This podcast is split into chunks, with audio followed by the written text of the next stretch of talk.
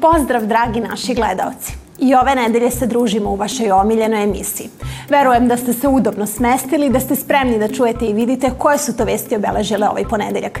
Gledate Dečiji dnevnik. Ja sam Zorana Nikoletić, a ovo su vesti dana. Vodimo vas na izložbu dečijih radova.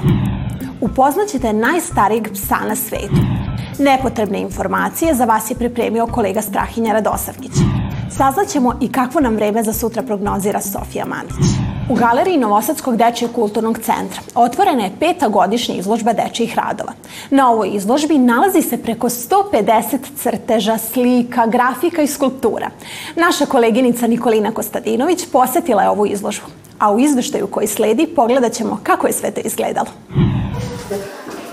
Kombinacijom različitih boja, oblika, tehnika, polaznici likovnih radionica pripremali su radove tokom cele godine. Jedni od najkreativnijih i najvrednijih polaznika ovakvih radionica su Lea i Stefan. Uz osmeh na licu njih dvoje svaki slobodan dan provode u prostorijama Novosadskog dečijeg kulturnog centra.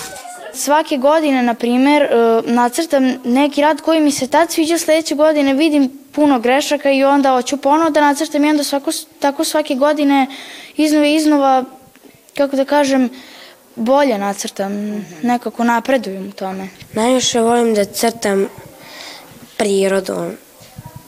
To mi je naj, najviše volim to. I meni je lepo jako kad ja crtam to. Nekad e, me inspiriše tuga, nekad sreća, nekad e, crtam iz mojih osjećanja, kako se osjećam, to je najčešće, a nekad baš želim nešto da nacrtam i trudim se da nacrtam nešto, pa kad ne uspem onda se opet iznerviram, pa opet, pa opet, pa opet, sve dok mi se ne svidi onda kasnije kad vidim onda ja, bože šta je ovo. Svoje dugogodišnje iskustvo nastavnica Ljubica Tankosić već godinama prenosi na polaznike svojih radionica.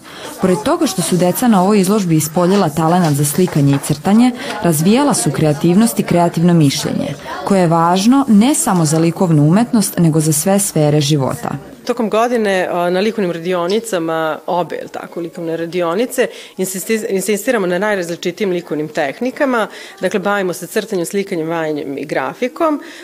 Kada je u pitanju vajanje, dakle, tu je ovaj, glina, rad sa papir mašeom, različitim kartonima, različite reljefe i tako dalje. Evo, ove godine smo eksperimentisali, e, pravili smo reljefe koje vidite u pozadini, koje smo radili pomoću platna i lepka i tako dalje. Dakle, meni jeste zaista uh, ideja, znači ne primarno da upisamo talentovanu decu, e, nego da oni bukvalno na ovim radionicama kroz te različite tehnike i teme uh, upoznaju što više mogućnosti i da onda te neke mogućnosti dalje primenjuju u daljem životu.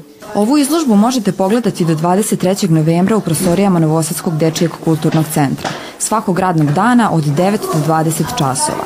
Narednog meseca je u planu izložba čija je tema umetnik ili umetnost je, a sve informacije u vezi sa ovom izložbom možete naći na sajtu Novosadskog dečijeg kulturnog centra.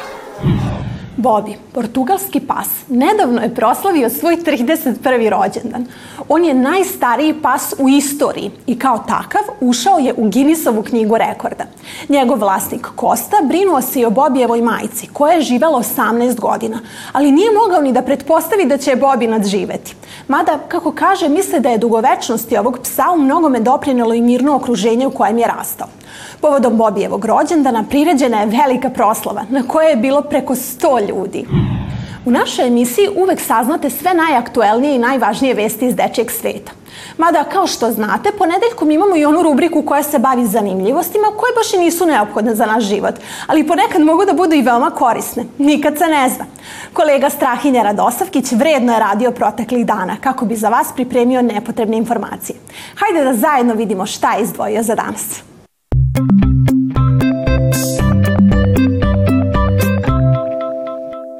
Pozdrav! Danas sam vam pripremio zanimljive činjenice o pretraživaču koji svi mi svakodnevno koristimo. Da, dobro ste pogodili. U pitanju je Google. Google je najposećenija stranica na internetu. Ne samo to, nego je peta najtražanija stvar na Google upravo Google. Ko još koristi Google da bi pronašao Google? Pa izgleda mnogo ljudi. Google je u stvari jedan veliki broj. Svoje ime je dobio baš zato što označava jedinicu sa 100 nula. To je stvarno jedan velik broj. Čuo sam da postoji još jedan stručni naziv za ovaj broj, ali toliko je komplikovan da ga nisam zapamtio. Sigurno ste često čuli frazu samo izgooglaj, iako je Google i broj takođe i reč. Dodaću oksfordski engleski rečnik kao glagol koji označava pretragu za nečim na internetu. Promena bi onda išla ovako. Ja googlam, ti googlaš, on googla i tako dalje. Google je nastao u garaži. Pre nego što je postao kompanija vredna trilijone dolara, njihove kancelarije su se nalazile u garaži. Nije bilo nekih fancy kompjutera i opreme, samo dva druga i njihov pas. Ovo je bio centar dešavanja Google nekad. Google radi sa robotima. U planu im je da sagrade robota koji će moći da uči. Vidjet ćemo da li će se ovo ostvariti. Možete podesiti Google na bilo koji jezik na svetu, pa čak i one izmišljene. Možda još ne koristite Google mape, ali pretpostavljam da ste čuli za njih. Google je mapirao površinu ne samo naše planete, nego i Marsa. Samo ukucajte Google mape i pored crvena planeta i vidite šta će vam izaći. Umesto da plate ljudima da im kose travu, Google zapošljava stotine koza da jedu travu oko kancelarije njihove firme. Kažu da košta približno isto novca, ali izgleda mnogo lepše. To bi bilo sve u Google što sam mislio da je bitno da znate. Sad imate pravo znanje o pretraživača koju sigurno sam svakodnevno koristite. Vidimo se sledećeg ponedeljka. Doviđenja. A sada je vreme da saznamo kakve temperature treba da očekujemo sutra. Iskreno da vam kažem, ne znam šta se dešava sa ovim vremenom. Da ne znam koji je datum, pomislila bih da smo u sred proleća. Neki kažu bolje je da je toplo, neki kažu treba da budu temperature u skladu sa godišnjim dobom. A sada ćemo videti šta kaže Sofija Mandić. Sledi vremenski izveštaj.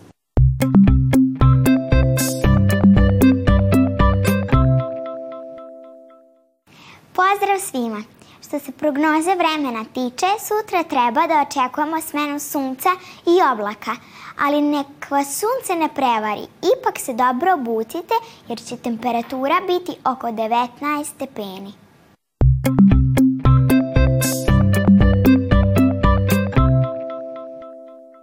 Podacima o vremenu završavamo današnje druženje. Verujem da ste se zabavili i uživali gledajući nas, ali sam sigurna da ste se informisali, što je najvažnije. Sutra smo ponovo sa vama. Samo ću vam reći da sutra treba da očekujete specijalnu emisiju. Ne smem još uvek da govorim detalje. Budite sa nama u dobro poznatom terminu, a ja vam obećavam da će sutrašnja emisija biti veoma interesantna. Toliko mogu da vam otkrijem. Vidimo se sutra. Doviđenja.